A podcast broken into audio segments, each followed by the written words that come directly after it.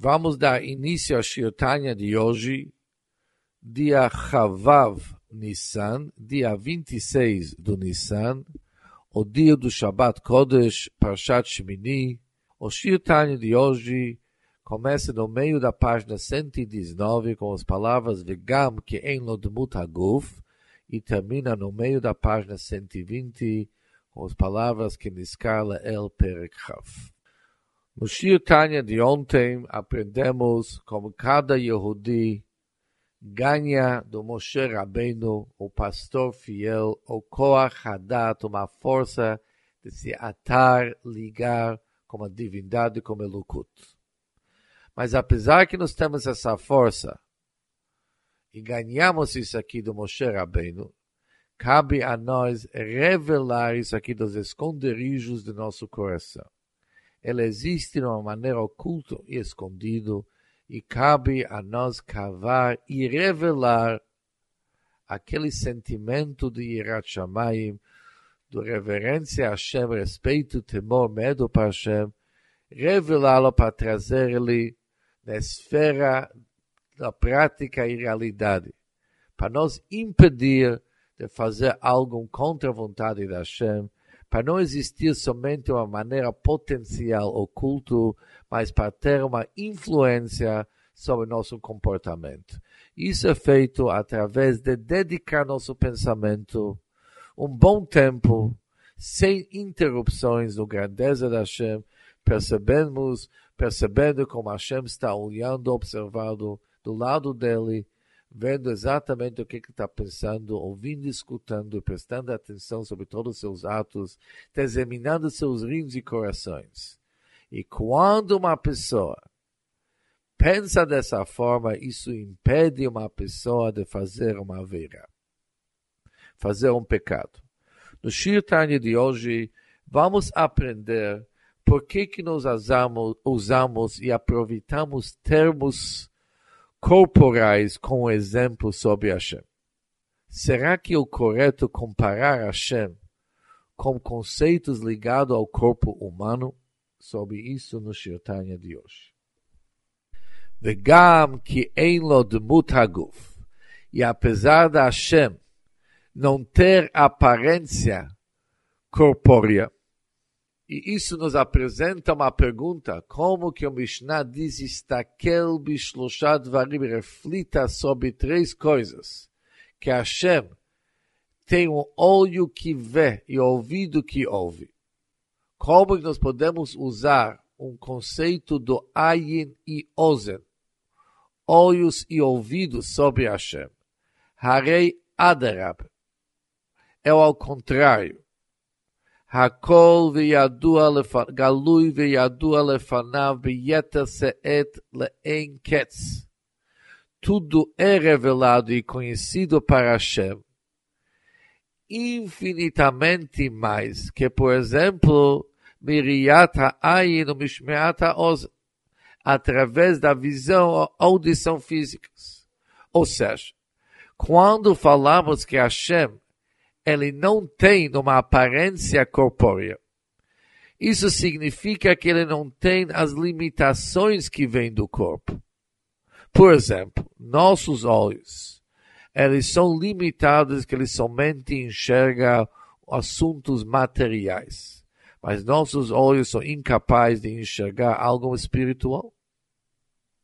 Também as faculdades de ouvir faculdade de ouvir também tem limites até quando, qual distância assim seguida. Mas quando falamos o conceito de ayin ve ozen, olho, olhos e ouvidos sobre Hashem, significa que Hashem tem estas faculdades sem limites e sem nenhuma desvantagem, sem nenhuma deficiência.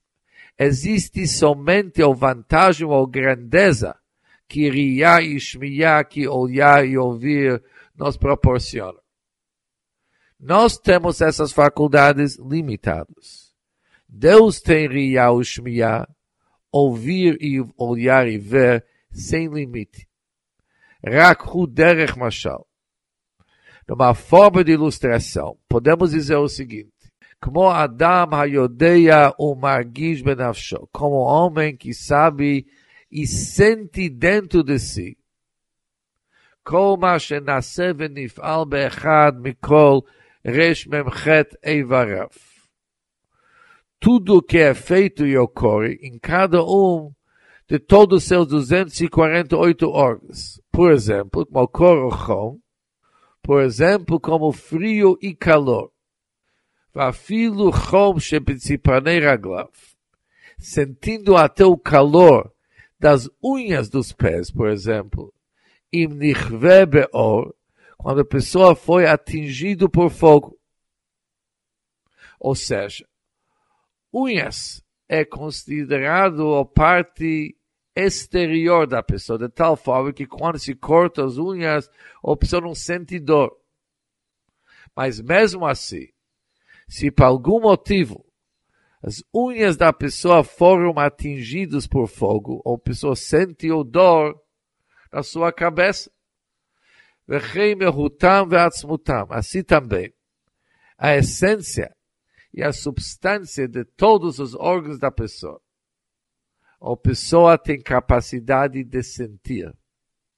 Ou seja, não somente que uma pessoa sente tudo que acontece nas, em seu corpo, a pessoa também tem plano conhecimento de seus próprios órgãos e tudo bahem e tudo que está sendo influenciado nos órgãos da pessoa. E odeia o margish bemocho. Tudo isso é que a pessoa sente e ele tem plano conhecimento em seu cérebro. Ou seja, uma pessoa jamais que necessita seus olhos, seus ouvidos para poder sentir o que está acontecendo em seu próprio corpo. Isso a pessoa tem um sistema interno onde a pessoa conhece e tem conhecimento total sobre tudo que acontece em seu corpo e o que, que acontece com seus órgãos. O que em Yediazu correspondente a este conhecimento, a título do exemplo, Yodeia Kodosh Baruch Hu Kol Hanifal. Hashem, abençoado seja ele, sabe tudo o que ocorrerá com todas as criaturas.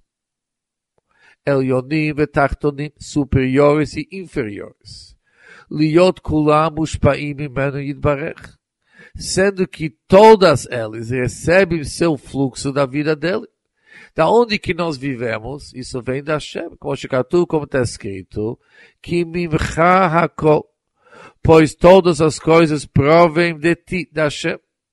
Da mesma maneira como morre o cérebro, ele é uma ele é a fonte, da onde que se estende vitalidade para todos os órgãos. E justo pelo motivo que o morre, o cérebro é fornecedor de vida, de vitalidade para os órgãos.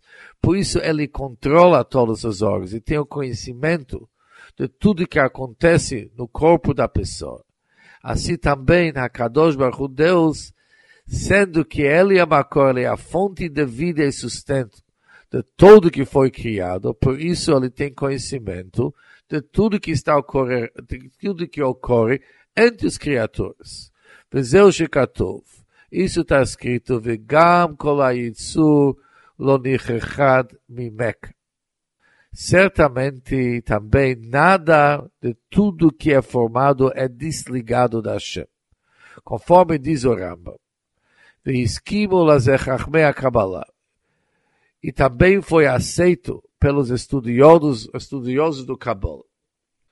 Que Moshe Katuv, Haramá, como que escreveu Rabbi Moses Cordovero, no seu Sefer chamado Pardes, que Alpi Kabbalah, conforme os ensinos de Kabbalah concordaram com o Rama com Maimonides, Shebidiat Atzmo Kaviachol Yodeia Kol Hanivraim, que conhecendo a si próprio, Deus conhece toda a criação que existe em virtude de sua real existência. הנמצאים האמיתתים למצוא em virtude de sua real existência. Ou seja, sendo as criaturas, eles existem com a extensão verdadeiro da real existência da Hashem. Por isso, o fato de Hashem conhece a si próprio, ele conhece todas as criaturas. Da mesma maneira como a Nefesh, como a alma, conhece tudo o que acontece em suas Eiverim, em suas órgãos. Mas, também nós não precisamos usar e aproveitar o exemplo em todos os detalhes. Conforme as palavras do Tânia, Mashal Zé, Eino ele Não obstante, este paralelo é só um atrativo para o ouvido. Ou seja, o exemplo não é sobre todos os detalhes, que Bemet Eina Mashal Domele Nimshal Klal. Que em realidade, contudo, a analogia não tem qualquer similaridade com o objeto da comparação. Por quê? Que Nefesh Adam Afilo Hasichlit Velukit, pois a alma humana, mesmo a alma racional e a alma divina, eles são afetados por aquilo que acontece com o corpo da pessoa mitpaelet mimorei haguf etzaro. Eles são afetados para aquilo que acontece com o corpo. Suas dores. Mahmatit lapshutam amash. Isso vem pelo fato, pela razão, de estar de fato investida. Que o nefesh alokit, ela se investe em nefesh achayonit. Na alma vivificante, que está vestida no próprio corpo da pessoa. E por isso, sendo que a alma sichlit, a alma racional e a alma divina, ela se investe no nefesh achayonit, na alma que está dando vitalidade por corpo. Por isso, aquele que acontece no corpo tem uma influência sobre a nefesh elokit, sobre a alma divina ele é a fonte da vitalidade do corpo da pessoa. Mas, no mesmo tempo, ela recebe o feedback. Ela também está sendo influenciada pelo corpo. Avala Kadosh Baruch. Mas Deus, abençoado seja ele. Em nome de Pael Hazi Shalom e Morei Haolam Vishinuya, jamais que ele é afetado pelos acidentes do mundo e suas mudanças. Viloma Haolam Atzmo, nem pelo próprio mundo, sendo Shekulam Einam Poalim Shum Shinui Hazi Shalom porque todos eles não causam qualquer mudança nele no Hashem. E quando falamos que os mundos não causam nenhuma mudança na Hashem, significa não somente na Hashem, mas nem na unicidade da Hashem. Hashem continua sendo só Yahid Umyuchad, um e único, da mesma maneira como que ele era antes de criar os mundos. A fim de nós auxiliar e perceber bem isso, nossa inteligência, os sábios da verdade, os Mekubalim, já se prolongaram em seus livros. Arcol Israel maminim bnei maminim, mas todos os Yehudim são crentes, filhos dos crentes. Belishum Hakirat Seiklanushi, sem qualquer especulação intelectual humana, Veomrim, eles declaram Atahu Atshilom Nivrah Haolam. Você, é Deus, é o mesmo antes do mundo ter sido criado e continua sendo um e único após que o mundo foi criado, conforme já explicamos isso antes do capítulo 20.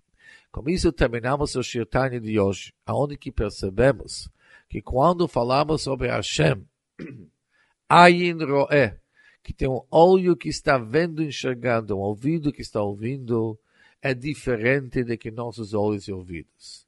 Nossos olhos e ouvidos são longe de ser perfeitos, são limitados a forma de Deus enxergar e ouvir é com toda perfeição que existe. E não a nossa perfeição. É a perfeição de Deus. E Deus, de fato, representa perfeição absoluta. Por isso é sem limite. E, de fato, quando a pessoa ainda pensa a maneira que Deus está observando tudo que Ele está fazendo, voltamos para aquilo que nós vimos antes do Tânia, com certeza isso deve mudar nosso comportamento para se comportar de uma maneira que agrada e respeita a Hashem. Hazak Ubaruch.